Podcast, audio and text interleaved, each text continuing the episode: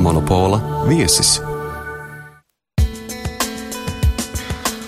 Esiet sveicināti redzējumā Monopols kopā ar jums šovakar Ingus Ulmanis. Tu vari stāvēt saulē, es iznākšu no ēnas. Mēs iepriekš viens par otru neko nezināsim. Vai šīs rindas veltītas mūsu raidījumam? Atliek vien pajautāt pašam dzēniekam, mūsu šī vakara viesim, Eduardam Eipuram. Labvakar! Edvardam Aivaram. Tā mans pilsoņu vārds ir Aivars Eipurs, bet uh, Edvardam Aivaram. Nu, tad es iesāku ar citāšanu, tad jā. turpināšu arī.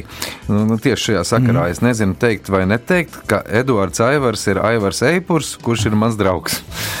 Var iznākt tā, ka vienā no viņa dzīvoļiem ar garo virsrakstu, kurā jaunības draugi nesatiekas, bet nolēma iet tikai uz otra bērēm, tad neko vairs nevarēs pretī teikt. Iznāk, ka tavā ķermenī dzīvo divi cilvēciņi.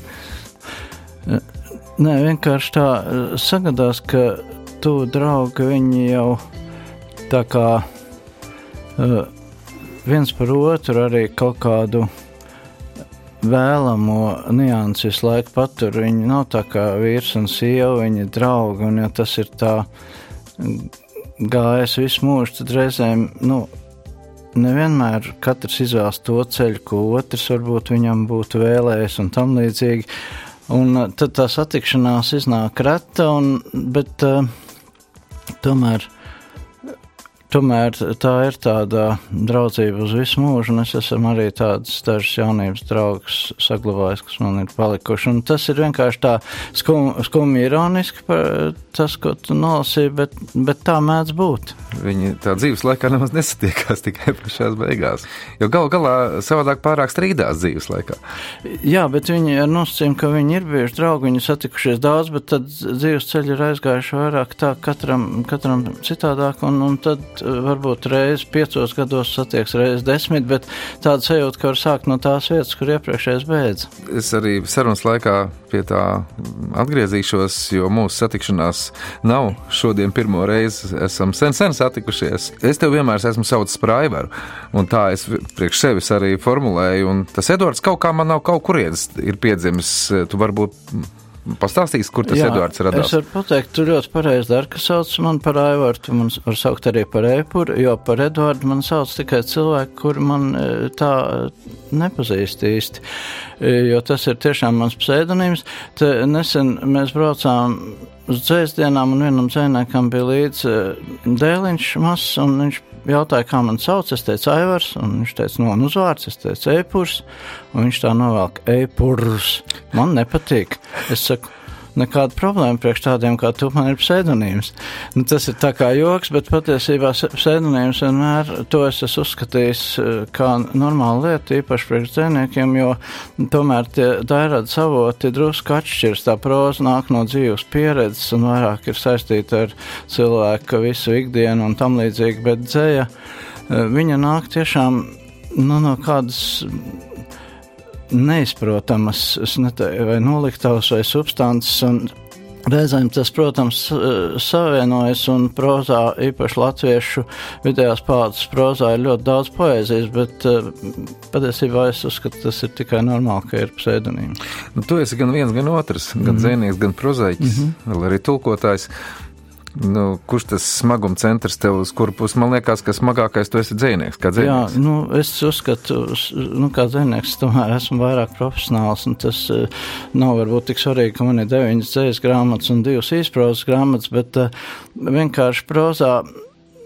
Nu, es neesmu profesionāls, es saprotu, ka es uh, negribu un arī nevaru uzrakstīt romānu. Tas man liekas, varbūt. Nu, kādēļ tur apliecināt sevi tādā veidā, ir tik daudz citu labu romānu un daudz labāku. Un, uh, tā domā ļoti daudz cilvēku, kas arī raksta, bet vēlāk kļūst par kritiķiem, jo viņiem ir ļoti augsta latiņa, bet kas attiecas uz dzēju, tad man visu laiku turpinās sajūta, ka man ir ko teikt un, un vēl ilgi būs ko -hmm. teikt. Man ir tāds salīdzinošs sajūtas par dzēju un par prózu.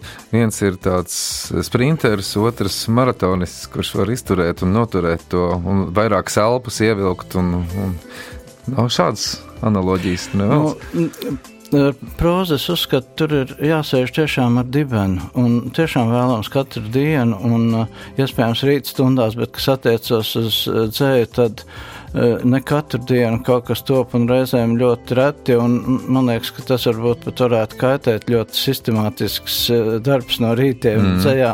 Nu, var, protams, strādāt ar atzējojumiem un, un tam līdzīgi, bet es zinu, nu, Mārš Čaklēs man teica, ka viņš katru rītu uzraksta pa dzējoliem.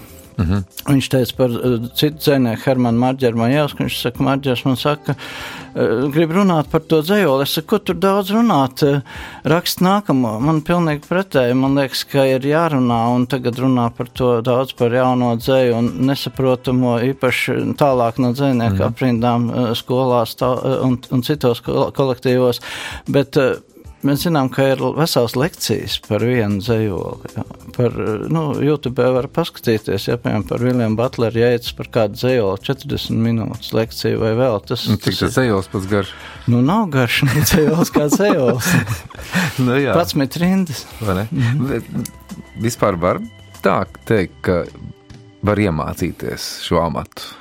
Uh, Nē, par, jā, jautājums tāds ir labi, ka tu uzdod, bet viņš tā kā ir tā kā pēc būtības, kā atbildi ir nē, bet var attīstīt dotumus. Tas nozīmē, ka ir divas klases, un es vienā lieku rakstīt dzēju tajās stundās un otrā domrakstus, tad pēc pusgada droši vien varēs šādu tādu dzējoli uzrakstīt liela daļa no tās klases, eh, kurā lika rakstīt dzējoļus. Bet uh, labākais dzēnieks iespējams būs tieši tajā otrā klasē, kur, kur nelika, jo viņam ir tie dotumi un viņam noteikti jābūt tikai noteiktiem apstākļiem, lai viņš varētu jāstiek pareizie cilvēki, jālasa grāmatas un tam līdzīgi. Man te viens citāts no tevis iepatikās māksla ir subjektīvs jebkā atveidojums, kas citos izraisa piedzīvojumu vai pārdzīvojumu. Ko tas jebkā nozīmē?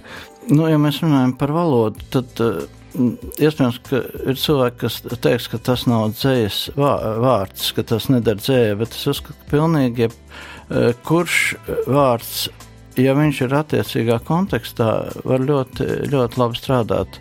Vienalga, vai tā ir mīla vai sinhrofazatrons. Vienalga, jebkurš mm. vārds, ja tas ir attiecīgi, uh, viss atkarīgs no tā, kā mākslas vārds ir kā, bet, bet jebkas, nu, Tas var būt krēsls, tas var būt valsts attiecības. Svarīgi ir, kā to uzrakst. Tam impulsam ir jābūt.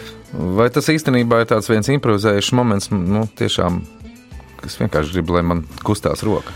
Tur var nesanākt. Es, es vēlos, man piemēram, liekas, ka, ka es aizbraucu, kad es aizbraucu ceļojumos, ka es uzrakstīšu tādus labus ciklus par šiem ceļojumiem, Jā. bet nekas nesanāk ar, ar lielu uh, laika intervālu. Man pat ir bijis tā, ka es esmu bijis Kamčatkā un uh, divas reizes un esmu gribējis uzrakstīt kaut ko brīnišķīgu, bet uzrakstīju vienu rindu un to dzējoli es pabeidzu pēc 15 gadiem, bet tāds ir tikai vien, viens gadījums, jo būtībā dzējoli ne, ļoti gandrīz neiespējami pabeigt pēc 15 gadiem. Ja tas ir pēc trim mēnešiem sāk kustināt, tad jau viņš nolūst no tā iepriekšējā un jāraksta jauns, jāmet ārā. Mm -hmm. Nē, zinu, kāpēc es šo jautāju, jo es pats esmu mēģinājis kustināt pildspēlu, un tur radās visādi mm -hmm. vārdi, un tad interesants ir tas pavērošanas moments no malas.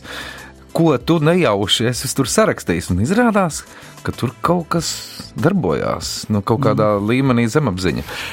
Es tā esmu mēģinājis ar diktafonu pāris gadus atpakaļ, ka es neko nevaru uzrakstīt starptautiskā rakstnieku un tulkotāju mājā kādu brīdi. Es mēģināju vienkārši Nu, tā kā tu saki, bet diktatūrā runāt, un man liekas, ka tas ir pilnīgi čau un nekas, bet pēc tam iznāca uh, seši diezgan labi dzējoļi. Aha. Bet ir tā, ka, piemēram, atnāk tā tas, tā viena rindiņa vai divas rindiņas, un pēc tam, kad tu sāc, tad caur roku, caur zemapziņu, tas otrais iedvesms, jau tas posms, un bieži vien tas aiziet, un tas ir pavisam cits, un tās pirmās rindas vai nu nedara, vai viņas ir pilnīgi pie cita dzējoļa. Mm -hmm.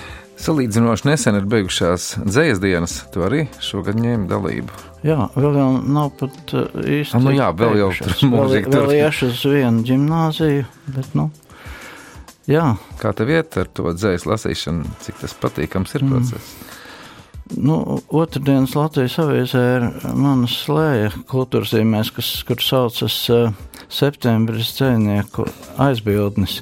Nu, nu tā, tā Latvijā ir, bet, bet protams, aizbild, tas aizbildnis jau vajadzīgs vairāk ir radot, un, un tur jau nu, mēnesi neizvēlas, bet septembrī vienkārši ir tādi labvēlīgi apstākļi, ražas svētki, un gadās, ka atrauja oļā arī tavs slūžas, ka tu klausies citus dzēniekus.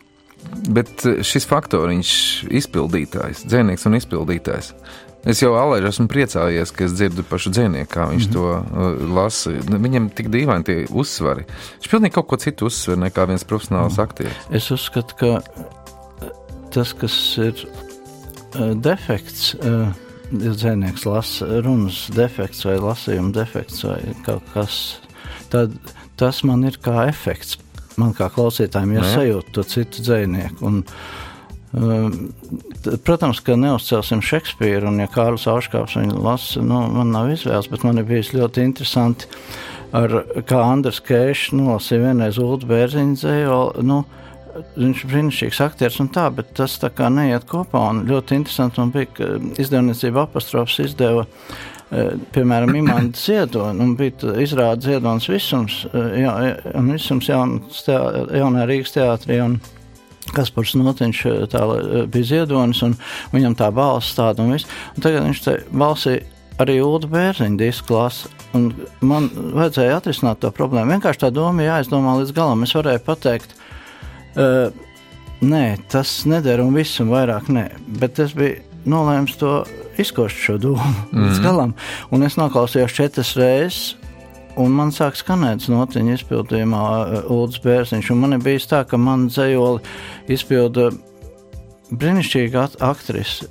Un izpildi uh, Jālgavā viens 12. klases audzēknis, un viņam sanāk labāk. Kā ir vispār ar saviem dzējoļiem?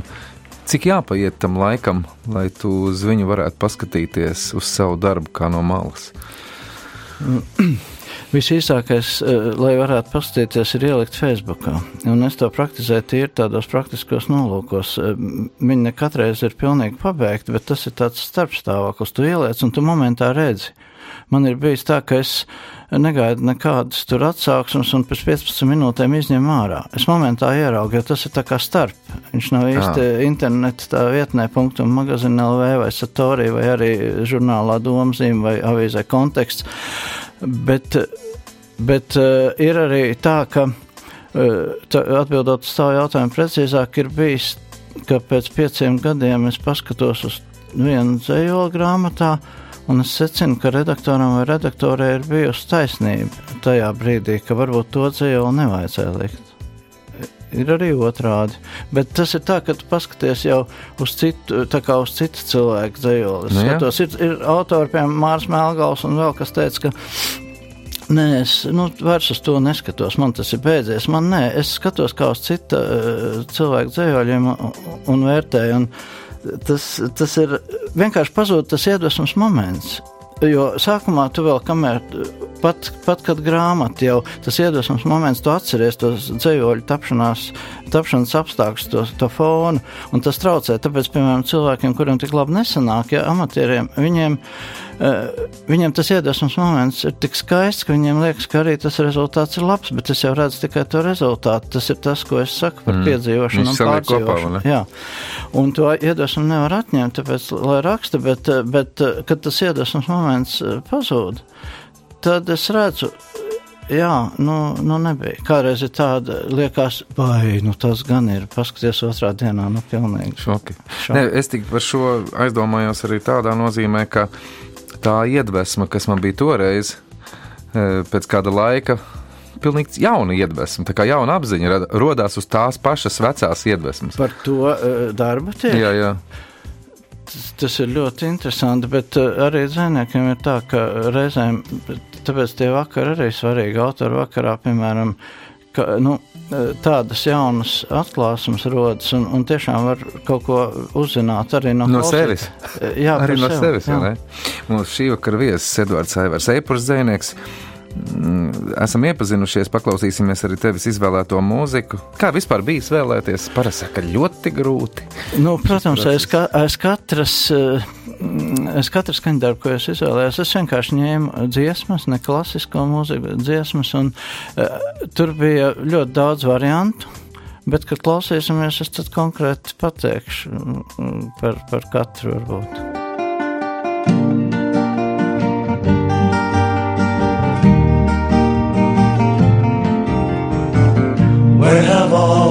Flowers gone? Long time passing. Where have all the flowers gone? Long time ago. Where have all the flowers gone? Young girls pick them, everyone. When will they ever learn?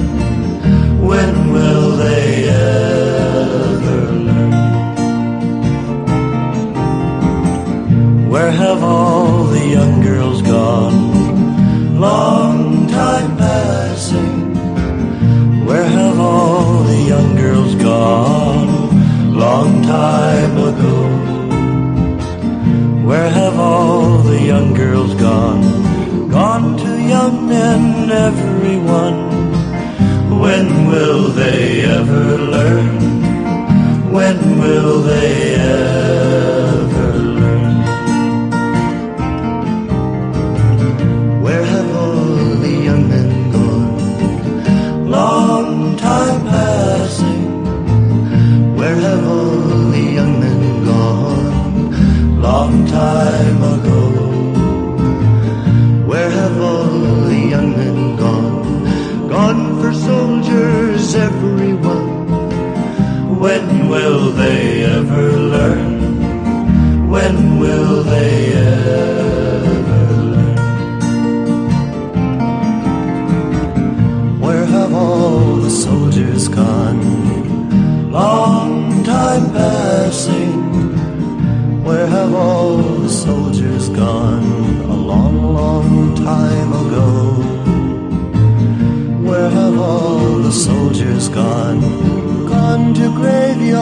everyone.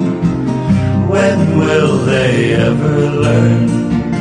When will they ever learn? Where have all the graveyards gone? Long time passing. Where have all the graveyards gone? Long time ago. Graveyards gone? Gone to flowers, everyone. When will they ever learn? When will they ever learn? Es saprotu, ka tu gribēji arī izstāstīt par šo dziesmu vairāk. Kopā. Nu, tā ir folkdziedātāja Pita Sigara dziesma. Viņš nodzīvoja garu mūžu, 94 vai 95 gadus. Un es viņu pirmo reizi, protams, nedzirdēju viņa izpildījumā, bet Marlēns Dietriks, kur ieskaņoja viņu gan vācu, gan franču, gan angļu valodā.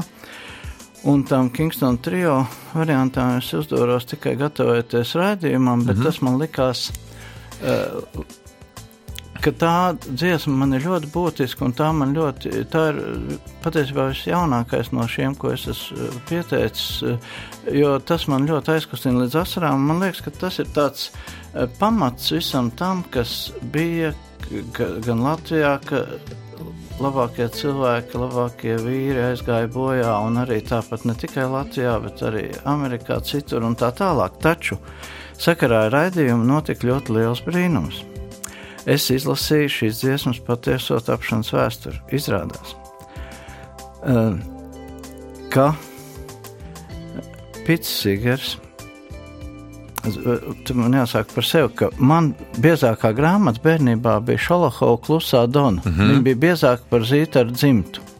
Un es viņu izlasīju, un man pat dzējos par to ir, kas tagad angliski tulkots, bet uh, es izlasu, ka Pits Sigars ir izlasījis to grāmatu klusā Dona, un ka viņš ir smēlējis iedvesmu šai dziesmā no šīs grāmatas, ka tas nav ne par amerikāņu jauniešiem, ne, protams, par latviešu, bet tur kazaki armijā tā kā dzied, un tur kaut tas tāds iesākums šai dziesmai. Viņš tam lido lidmašīnā, un viņš tur pabeidz, pēc tam tur vēl viens viņu, viņu cilvēks tur paņem kaut kādu rindu, pieliek tā kā citu uzvārdu, cits autors, tā kā drusku līdzautors, bet iznāk, nu tā, tā dziesma, bet tas, ka man saslēdzās kopā ar to kluso donu, tas vienkārši fantastiski, jo man liekas, ka visi tie laiki ir vienlaiks. Man, man nesen bija arī tā, ka es aizbraucu uz topošo un esošo Melānijas Vanāgas muzeju un sapratu, ka es esmu uzrakstījis par dzējoli, par to, ko es tikai tajā muzejā redzēju, bet es jau par to dzējoli esmu uzrakstījis. Es esmu uzrakstījis, tur, tur bija intervija ar viņu Cārnikaus jūrmalā 92 gadu vecumā, un es esmu uzrakstījis dzējoli par to, kā veca tante slāja uz jūru nu, saucas Delta, un ka viņi vēl tur skatās, kā tie jaunie spēlē. Viņi vēl ar jauniem uzsit olēju, un dvēseli aizlido viņai servējot. Un izrādās, ka Melānijai Vanagai ir jaunībā bijis volejbola tīkls kaut kur gadsimta sākumā, tur vispār tu tajā, tajā pusē. Ja, Ko tu tādā viņas... brīdī nodomā? Es vienkārši uzskatu, ka man nāks nodomāt, ka tā mistiskā pieredze, ka tie laiki kaut kā krustojas un Un daži tādi brīži ir. Man ir mm. bijis arī, ka es to Lēdo neesmu nejauši aizgājis uz Velaskējas muzeju, un pēc tam atbraucis Latvijā un sūrojies eh, kādam paziņam par to. Un sarunā noskaidrojis, es viņam prasu, kas tajā muzejā, kā tur viss ir. Viņš man izstāsta, es saku, bet es redzēju to sapni pirms diviem gadiem. Tā, nu, tādas lietas. Uz šī vakara monopola viesis Edvards Evers Epurs, dzēnieks. Man atgriežoties nu, teiksim, tādā mūsu satikšanas kontekstā, un domājot arī par tevi, kā par cilvēku, kurš izrādās ir nācis no saukrastiem. Jā, es tikko... esmu pēdējais latviešu cienīgs, kurš piedzimis Saukrasta vecajā slimnīcā. Un tas man bija pārsteigums, jo tāpēc, ka es visu laiku domāju, ka tu esi limbažnieks. Mm -hmm. Jo tā bija Limbaģa pirmā vidusskola, kur mēs abi divi, tu gan biji vecākās klasēs. Mana pēdējā reize, kad es tevi atceros pēc treniņa, eh, tavējā treniņa basketbolā, jo tu biji labs basketbolists un tu man rādīji, kā var iemest no centra. Mm -hmm. uh, un tu to darīji kāds trīs reizes pēc kārtas un visu laiku iemeti. Un, un tad, un te, te, tev tas bija tā tāda likumsakarība. Limbaģis, saukras, kā tu viņus atceries? Un varbūt, ka šī bērnība ir ar tādām ļoti naivām, skaistām atmiņām un tādām, no kurām nemaz nekad negribas izkāpt. Nu, es dzīvoju tā iekšzemē no augstiem desmit km tas ir pabažs ciems un apkārt un bija meži uz vienu pusi bija redzams ceļš tālumā, un tāpēc viena no manām es, nu, grāmatām, kas tiešām es uzskatu, ir iz, izdevusies, tā ir jau diezgan 96. gadā iznākusi ir ainavu kliedz, jo māja vārds, vārds bija ainavs, un tad mēs uz augstiem braucām ar, ar zirgu un pajūgu pēc uh, zivīm. Un, un, un tad mēs pārcēlāmies uz saldu. Es sāku dzīvot kopā ar vecākiem. Un četras klases gāja saldu, un pēc tam pārcēlos uz limbažiem. Tad arī es jau sāku uzskatīt par limbažnieku diezgan ilgu laiku, arī pēc mhm. tam, kad sāku studēt universitātē. Un, un pēc tam vēl braucu pie māmas uz limbažiem kādu laiku, un, un tā. Un man šodien ienāca tāds pārdoms prātā, ka, ka es esmu uzskatījis arī par jēlgalnieku un tā, bet man ļoti patīk Rīga tiešām, bet uh, kāda jēga sev uzskatīt par rīznieku, tāpat jau tāpēc, tāpēc tas mainās, bet mani par savējo tagad tiešām var uzskatīt gan, gan Saukras, gan Sauds, gan Limbaži, protams, un, un Jālgau, bet nu arī Rīga. Kur tu pats jūties?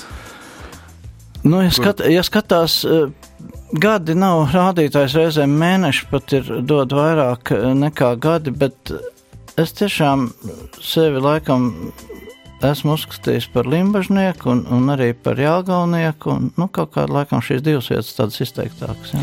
Man bija jāteic pārsteigums, jo zini, kā jau puikas, kad tu satiec pēdējo reizi viņu sporta zālē, kurš met iekšā no centra, es vienmēr domāju, nu, ka tu esi izteikts sportists. Un, mm. Un tā es arī kaut kā pieņēmu, un tad pēkšņi mēs satiekamies abi divi autobusā, Limbaģa Rīga, uz aizmugurējā beņķa sēžam un runājamies, un tu man paziņo un stāsti par filoloģiju, un ka mm. tu sācu studēt kaut ko tādu, un es tajā brīdī apmulsu, pagaidu, ar ko es šobrīd runājos, mm. un kā bija tev tās izvēles, un kāpēc tu uz to pusi sāki domāt, un tavs ceļš virzījās tur?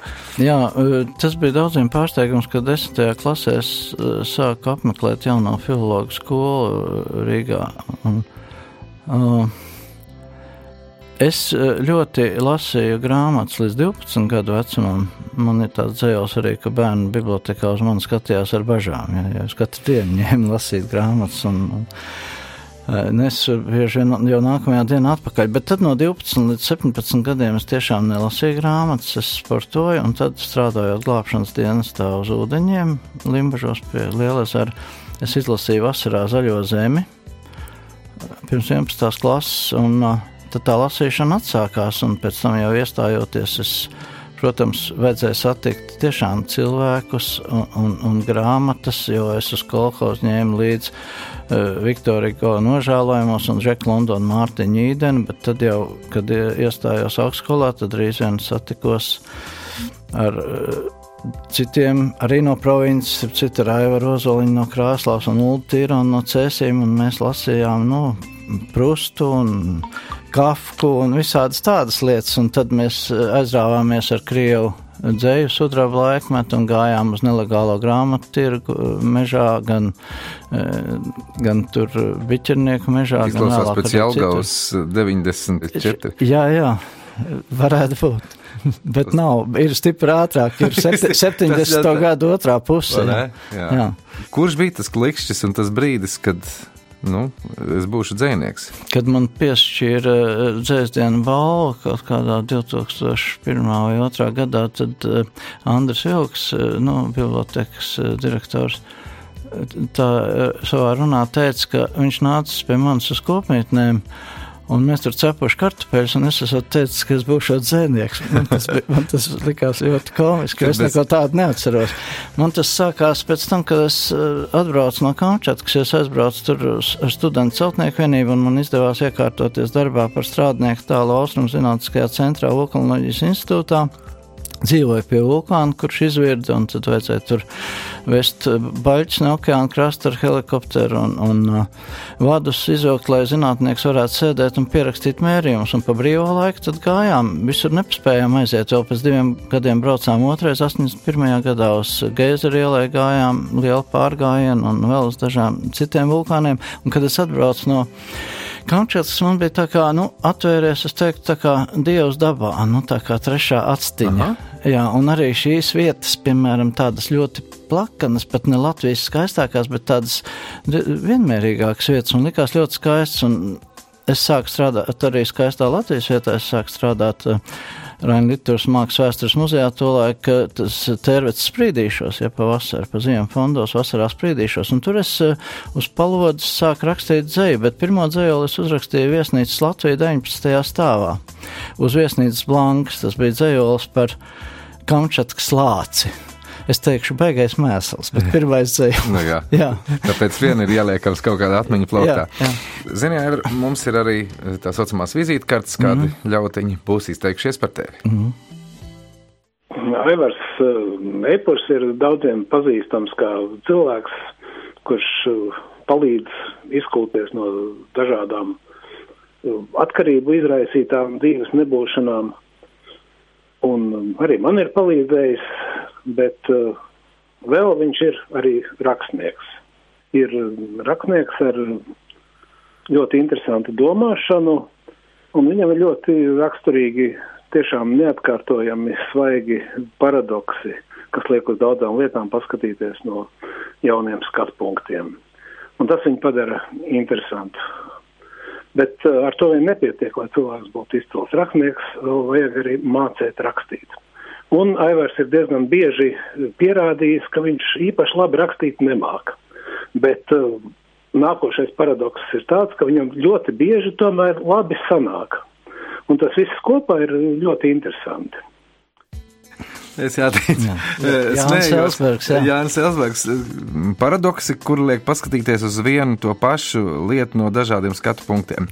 Tā ir tāda tā kā nejaušība, ka tu atrodi savā dzējā paradoksus. Nu, tas, nav, tas nav speciāli, bet manuprāt, ka šeit ir tā, ka. No ārzemju dzējā tas ir diezgan daudz, bet es uh, nebija to ārzemju dzēju lasījis. Es vienkārši pēc tam konstatēju, ka atnāca te tulkojumi, jā, piemēram, tur vienalga, vai tie būtu baloši pilni pagalmu, seši tul, turku dzēnieki, eh, vai, vai vēl kāds grāmatas, ka es redzēju, ka tur, eh, ka es rakstu tā kā, tā kā tur jau rakstu, un, un šī dzēja to, ko viņš teica par to mācīšanu, nemācīšanu, tas vairāk tas varbūt ir tā atšķirība no Latvijas dzējas tradīcijas, jo uh, Lat, Lat, Latvijas, uh, latviešu dzējā ir tāda pamatīga, ritīgi pamatīga lieta. Nu, tur tiešām latviešu dzēja ir tāda pasaules, teiksim, tāda, nu, es teiktu, amata izkopšanas augstākajā pakāpē, un arī atzīst skola milzīgi augstā pakāpē. Es pārstāvu, teiksim, to, kā arī atzīvo, kā ārzemēs atzīvo viņi tik daudz, nu, kā liekas, ka šķietam varbūt kaut kas nav, šķietam kaut kas nav, bet tur, kur ir tas, brīnās, ka, kāpēc tas efekts parādās. Ja? Uz, uz kā bāzes tas ir līdzīgi tā kā mākslā, glezniecībā vai atonālajā mūzikā, ka nevar īsti saprast. Un tas ir tas, ko Jānis teica. Ja? Mm. Tā, nu, es tādu kanoni. Jā, jā, jo, jo šādā veidā nu, es nevarētu, kā varbūt man patīk, bet es rakstu tieši tā, kā es mīlu. Ka, nu, es tādā veidā mm varu. Jā, es saprotu, jā. Redz, Jānis piemin arī palīdzēšanu izkauties no atkarībām, tā kā tu esi mm, nodarbojies ar alkoholiķu rehabilitāciju un palīdzēšanu ir tādā, nu, ti, nu, tu zini, ko darīt, vai tā ir tāda draugu līmenī vienkārši palīdzēšana? Nē, tā nav draugu līmenī palīdzēšana, jo es uh, izglābos un uh, Eh, eksistē tāda 12 soļu programma, kas ir eh, noderīga, un eh, vienatnē to nevar izdarīt, es esmu stažējies arī Zviedrijā tā saucamajā Minnesotas programmā, un es esmu mācījies psihoterapiju, konkrēti psihodrāmu un, un ar Latvijas vadošajiem narkologiem kopā 90. gados un iegūs arī certifikātu, tad es esmu strādājis kā koterapeits dinamiskajā psihoterapijā un diezgan tādas tomēr diezgan liels zināšanas par to, jo sabiedrība pirms tam nevarēja piedāvāt iespēju. Tagad var vienkārši cilvēki, kur vēlas, viņi var, var nu sadzirdēt mani vai, vai nesadzirdēt, jo es uzskatu, mēs esam ļoti laimīgi, jo mana vecāka paudze, viņām nebija uh, to grāmatu, kas mums ir. Mm. Es nedomāju par kaut kādu ezotērisku klāstu vai vēl, bet tieši tādu, tieši arī psihoterapijā un, un, un, un tam līdzīgi. Mans tēvs, piemēram, aizgāja, viņš nomira jaunos gados, 44 gados, ļoti talantīgs cilvēks. Viņš arī desmit gadus nelietoja alkoholu, bet eh, viņš dzīvoja sausā. Respektīvi, tas ir tas, par ko viņš varbūt nebija tāds, ka cits saka, viņš kļūst neciešams, bet viņš sevi jūtās sadedzināja no iekšpuses. Viņš turpināja strādāt, viņš bija bija celtniecības speciālists, viņš vadīja organizācijas, bet viņš sadega savās jūtās un emocijās un vienkārši sirds neizturēja. Bet šīs, piemēram, šī 12 soļu programma, viņa, viņa liek un, un arī kopā ar citiem cilvēkiem, viņa cilvēki dzīvo sabiedrībā un viņi runā par šīm jūtām un emocijām, tas vienkārši nebeidzas ar to, ka fiziski beidz, beidz lietot. Tas ir tāda, un tas attiec uz ne tikai alkoholu, bet tā programma attiec uz daudzām atkarībām, tā skaitā arī uz postošām, jo atkarības šī tomēr ir slimība, ja tā ir atkarības padziļinājums. Te man viens varbūt tādā mūsu sarunas kontekstā, jo ne jau ar vienu vienu es esmu savu mm. draugu arī dzēnieku runājis par to, ka nu īpaši dzēniekiem uzklūp šī tā te nereža. Nu ko, dzēnieki pārāk jūtīgi, vairāk varbūt atvērti un vairāk vairāk sadedzinoši sevi. Tāpēc, domā, uh, kāpēc dzēniekiem vairāk ir tādas problēmas nekā citas oh, profesijas cilvēkiem? Zini, Man liekas, ka mūziķi. es nezinu, kā gleznotāji, bet Andrejam Makarevičam ir vesela grāmata, kur viņš uzraksta un diezgan tā, ka, ka nevar izturēt to spriedzi un tā enerģija pārāk liela. Jo man, piemēram, fiziski tā nav jāplosās pie rakstāvu galda, lai es uzrakstītu dzējoli, kā, piemēram, nospēlēt kā nostrādājot Red Hot Chili Peppers, teiksim, iedas, bet viņam starp citu muguru esot bijuši čupā, un viņš esot uz, nu, skatuvēja braucis tā kā ratiņos, un neviens pat to, un tāpēc nevarēja saprast, kāpēc tas koncerts tā spēja aprāvās, bet es domāju tieši mūziķiem, bet tas viss mainās, jo mums patiesībā mūsu sabiedrībā uh, uh, ir ļoti mainījies. Agrāk bija dzēniekiem ļoti labi piestāvēja tas, par ko mēs sākām runāt. Kaut gan nekas tur labs nav no tā, tas ir mīts. Un, un otrs, bet šo, šodien zīmējumiem ļoti labi piestāv tas, ka viņi ir zinātņu doktori diezgan daudz. Mm -hmm. Tā, tā ir tāda laikmeta iezīme, jo nav jākārto zinātniskais komunisms un, un tam līdzīgi. Tas nav, tas nav viegli un tas neatceļ katru šī cilvēka vērtību, kurš ir zinātņu doktors, bet tagad tas, tagad tas notiek. Jā. Jā, vispār jau cilvēks mm. saka, ka nu, tiksim, tādā brīdī, kad tu aizmirsties labas lietas, iznāk ārā kaut gan Eriks Kleptons ir teicis, ka viss tas ir draņķis, ko viņš par dzērumu tieši tā, man ir, man ir ļoti labas domas par Eriku Kleptonu, un es, es neizvēlējos viņa gabalu, es kaut ko citu izvēlējos, bet es biju arī uz viņa koncertu, un cik es zinu, viņš ir tikpat ilgi skaidrāk kā es, tas ir 28 gadus. Jānis Albergs te uzdod vēl vienu jautājumu. Jā. Un mans jautājums uh, Aivaram būtu šāds. Uh, man ir radies iespējas, ka tev savu dzējoju kompānijā vienmēr ir uh, ļoti interesanti. Kā tev neapnīk? Vai tev tiešām nekad neapnīk, un ja neapnīk, tad kāpēc? Es domāju, te, te ļoti interesanti. no vienas puses, Jānis Elsbergs ir cilvēks, kurš gandrīz vislabāk no maniem kolēģiem izprot un spēj uzrakstīt par manu dzēju. Uh, viņš tiešām, tiešām to, to, to dara labi, bet uh, parasti jau katrs uh, vairāk iedziļinās savās nodarbēs un tā tālāk. Es domāju, ka Tur ir ilgāks laiks jāpavada ar, ar, ar maniem dzīvoļiem un jāveic kaut kāds pētījums. Es nezinu, vai tas ir bakalaurs vai maģistrs vai, vai maģistrants vai, vai doktors, es nezinu, bet um, lai saprastu, kāpēc, to, kāpēc tas ir tik vienkārši, kā var neapnikt. Jo tu, tikpat labi to varētu paprasīt pilnīgi jebkuram. Vai Rainim, vai Pricim, Bārnam, vai kā. Varbūt tas dzējoļu veids ir tāds, ka liekas, ka ar to vajadzētu likties mierā un tagad darīt kaut ko citu, bet, nu, protams, man ir arī, nu, dzējoļi ar gariem virsrakstiem, kurus es uh, neesmu redzējis nekur citur ārpus Latvijas arī. Bet, bet kāpēc man vajadzētu tam apnikt? Bet, eh, starp citu, arī es pēc būtības esmu tāds cilvēks, kas ir tāds teiciens, tu neaizēji no savas rozes. Es, piemēram, neesmu pārstājis skatīties uh, Spānijas futbola līgas čempionātu.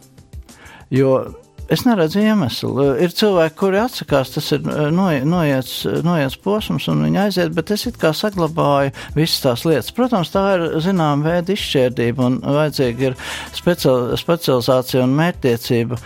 Nu, bet tas ir tā kā es sēdētu krustcelēs, un visi kaut kur iet, un tad viņi atnāk apakaļ, un es prasu, nu kā bija? Bija baigi labi. Nē, nu, Dievs, kas jau nebija. bet, eh, bet otra puse ir, ka es sēžu un man kaut kur bija jāiet. Man arī ir jāiet, kaut kur jau ir jāiet. Ja. Nu, nu, tas ir, kur es esmu. Nu, jā, tas izbrīd. Cauri pilsētai Arnolds Liniņš, Lolita Bambūta, Regīna Bambūta. Tev nākamā muzikālā izvēle. Mm.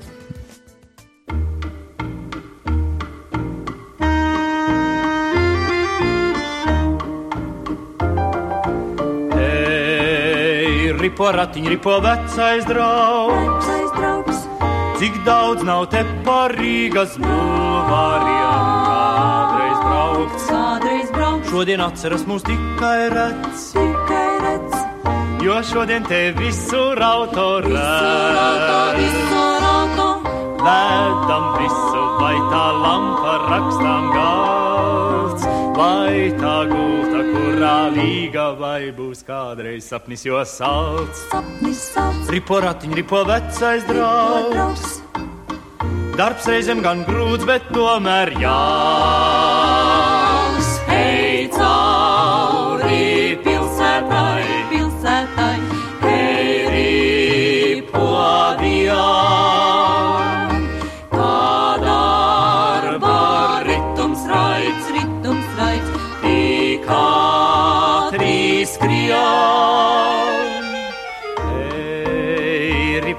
Riporati, ripo vecais draugs. Vecais draugs. Dus tevī manas tālās jaunības sapnis jau. Sapnis jau. Pirmā mīla, pirmais kautrais glābs. Kautrais glābs. Nāk atmiņā tik līdz skan tavs stāsts. Hei, ripo rati, ripo vecais draugs. Hei, ripo vijā. Cik daudz nav te pārīgas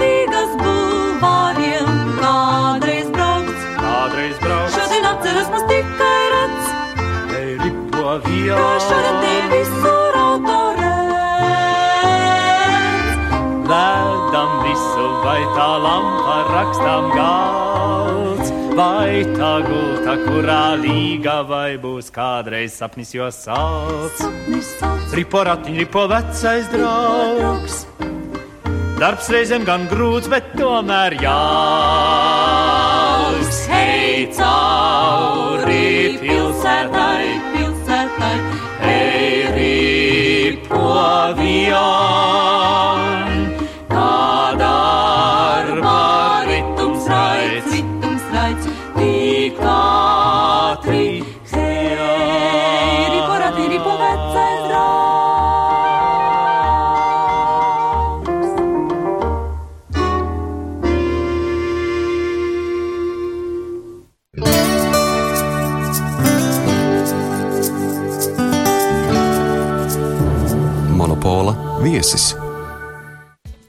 Šī vakara monopola viesis dzinieks Edvards Evers Eipurs.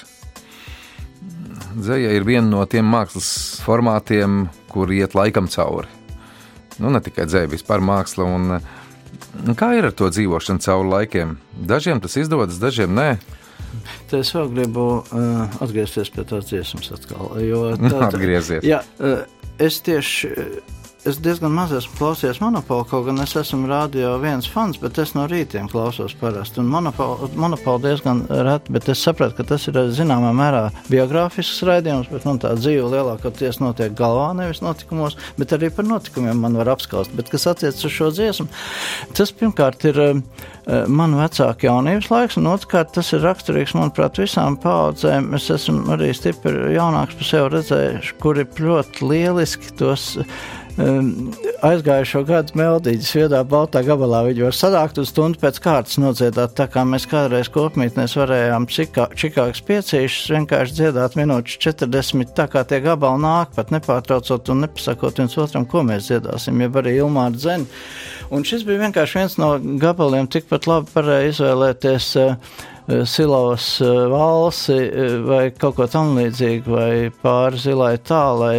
Un, un, Protams, arī man ir tuvi līvi un, un uh, Viktor, uh, mīļā magonīte un zīlīte un, un, un tam līdzīgi. Un, bet uh, šī ir tāda drusku tāda saspēle, saspēle ar to, ar to laiku. Man liekas, ka šī dziesma viņa viņa tāda, ko varētu iemācīties uz jauno gadu un duetā ar sev tuvu mīļu cilvēku atskaņot draugu. Jā, arī kopā. vecais Jā. draugs, gadīgs vecais.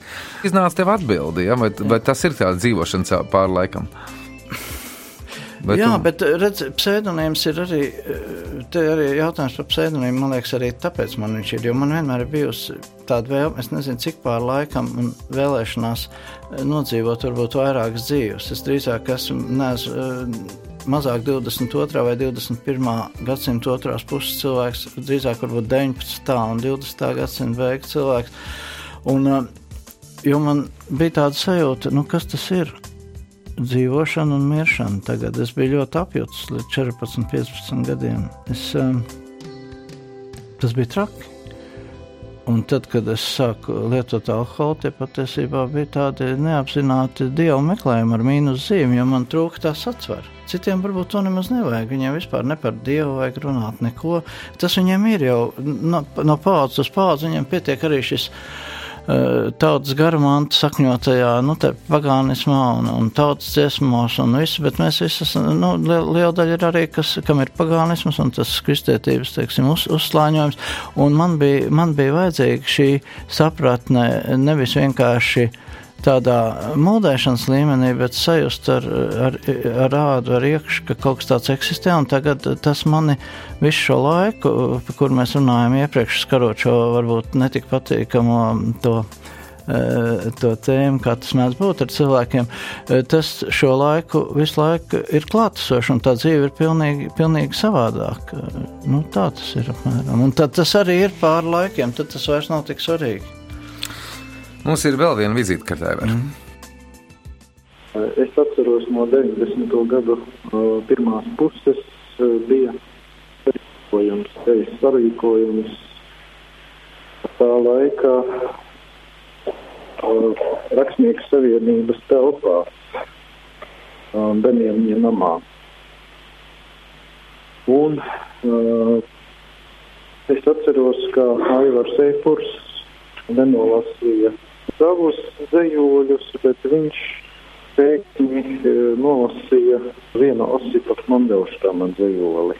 Un tas, e, bet tā, nav, nav tādas bijušas tādas garas vairāku dienu tikšanās vai čupošanās, bet ir bijis tā, ka tās ir bijušas bieži vien tādas nejaušas. Nu, un tās, tās bija tādas, es teiktu, it kā nejaušas, bet ļoti par dzīvi un dzēju. Man liekas, ir tikpat nu, iedvesmojošas, brīvas, kāda ir paša īpura um, dzēja. Viņš arī to savu dzinieka lomu, kā viņš īpaši arī neuzsver. Ar viņu ir patīkami arī sarunāties, tādēļ arī, ka nejūtu tādu dzinieka vai radoša cilvēka egocentrismu, kāds varbūt ir dažiem citiem. Nu, es varu teikt, ka viņš arī ļoti prot ieklausīties. Ļoti ir tāda sajūta, ka šis otrs cilvēks viņam ir ļoti svarīgs ar kuru viņš sarunājas. Kas viņam ir vajadzīgs, lai uzrakstītu dzējoli? Pazina runātāju. Es saprotu, ka Mārcis jā. Mm. Nu, viņš tev uzdot arī jautājumu, kas tev vajadzīgs, lai uzrakstītu dzējoli? Lai uzrakstītu, man ir vajadzīgi šie Piedarumi, bet. Eh, Nē, man tas patīk. Es uzreiz tā iztēlojos tieši no piedaruma viedokļa. Kas, kas būtu vajadzīgs? Papīrs, pildspalva, varbūt ka vēl kaut kas. Nu, kādreiz bija tā ļoti skaisti, tā gaumīgi teikt, ka es jau uzreiz datorā nerakstu. Es sākumā tā, bet eh, es rakstu eh, datorā, jo nu, tas ir, jo tas tā arī ir tā klaviatūra, un, un cilvēki jau vienkārši eh, pierod, un tas, tas nav paviršāk nekā rakstīt uzreiz eh, ar, nu, kā rakstīt ar pilspālu un pēc tam datorā, bet, nu, tas man vajadzīgs, bet man ir, lai uzrakstītu dzējo patiesībā, man ir droši vien vajadzīga tāpat iedvesma. Mm. Nu, es domāju, es domāju, nekas cits eh, ir, ir jau, ir jau, ka atnāk un nepierakst un, un aizmirst. Tas nav tā kā īsprozā, kur es rakstu. Tur tāda eh, mezgla punkta, un tad precīzi, pēc nu, ļoti precīzi tas ir jāuzraksta, ļoti precīzi. Visiem daudziem jau liekas, ka eh, tas ir tā viegli, tā, bet tas nav viegli, tāpēc, lai ir tā viegluma sajūta, un tas pats arī ar dzējoļiem. Tas jau nav labi, ka lai viņiem liekas. Jā, tieši tā. tieši tā. Mums viena dziesmiņa, eh, Creedence Clearwater Revival, mm. nu, viens gabaliņš, kurš nu ir dikti, dikti mīļš daudziem tiem, kuri atcerās šo laiku.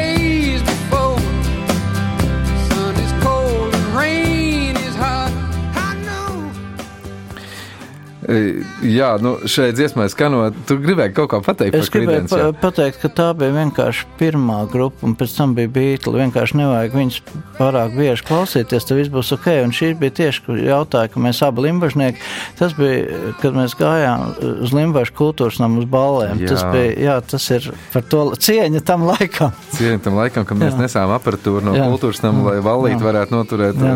no skolā. Mēs beigsim, starp citu, ar beigļiem, kurus tu arī piemini, bet par viņiem pašās beigās. Mm. Bet varbūt sarunas beigās man ļoti patīk šī viena lieta, kur tu esi darījis, tie garie virsraksti. Piedod, ka es kaut kādas tādas salīdzinājumus savilku priekš sevis, ka man likās, ka tas ir tik aktuāli, ka cilvēki vairs nelasa saturu, bet lasa virsrakstus un mm. pēc tam spriež. Nu, tu esi līdzīgā formā arī izveidojis tāds virsraksts priekš šiem dzīvoļiem. Jā. Nu, es uh, varētu divus piemērus nolasīt. Viens Nolas. ir tāds īsāks, viens garāks. Tātad uh, vienu mēģināšu atcerēties no galvas. Tas ir dzējolis par to, ka meita pateica mums ar labu nakti, bet jau pēc desmit minūtēm atgriezās no guļamistabas, lai pajautātu, vai viņas mati smaržo pēc apelsīniem. Tas ir dzējoļu virsraksts. Un dzējolis piekdien viņa zaudēja nevainību Āgenskalnā, labā vietā. Un otrs dzējolis par to, ka vajadzētu būt skaidrībai tieši kurā vietā turistam ir atkal jāpievienojas grupai, ja viņš vēlas atdalīties no tās un aplūkot sev svarīgu objektu, piemēram, izbraukt kādu gabalu no Parīzes, lai vienatnē apmeklētu kādu kapu. Tas ir dzējoļu virsraksts un dzējolis vienatnē. Nu, pa ceļam es, protams, satiku kādu tumšādainu tunisiešu meiteni, bet no mūsu gida es tā arī nesapratu, vai mums ir jātiekas vietā, kur Robespieram pirmoreiz nocirta galvu, vai arī mēs tiekamies tur, kur Robespieram otrais nocirta galvu. Tur, starp citu, nebija tumšādaini, tur bija tikai tunisieši. Es bez brillēm pārskatījos. Aha. Bet, lai tas skan ēterā, šī, šī, šis labojums. Kā jau teicu, mēs mm. nobeigsim ar beatliem Norwegian Wood. Kāpēc? Uh, tas ir tāds brīnišķīgs uh, gabals, kurš gadiem ilgi man ir uzturējis interesi par sevi. Viņš, es daudzreiz dzirdēju tikai melodiju bez dziesmas, un tad es ilgu laiku domāju, ka tas ir norvēģi mešs, bet tās ir norvēģi mēbeles, un tā situācija tur ir arī. Uh, un Un vēl svarīgi, ka tas ir viens no diviem gabaliem. Otrs ir Toms Jones Delilah, un šis ir Beatles Norwegian Wood, ko es varu nospēlēt uz deguna. Bet es to nedemonstrēšu. Lielas paldies tev! Un, un šī vakar viesis Edvards Aivars Epurs dzīvnieks. Bet mēs atvadāmies šo raidījumu veidojas kaņa režisors Reinis Budze, mūzikas redaktore Dācis Talidzēna, vizītkartes sagatavoja Ieva Upīte un kopā ar jums biju es, Ingu Sulmanis, Leskam Beatli, Norwegian Wood, bet te nebūs runa par mežu. she told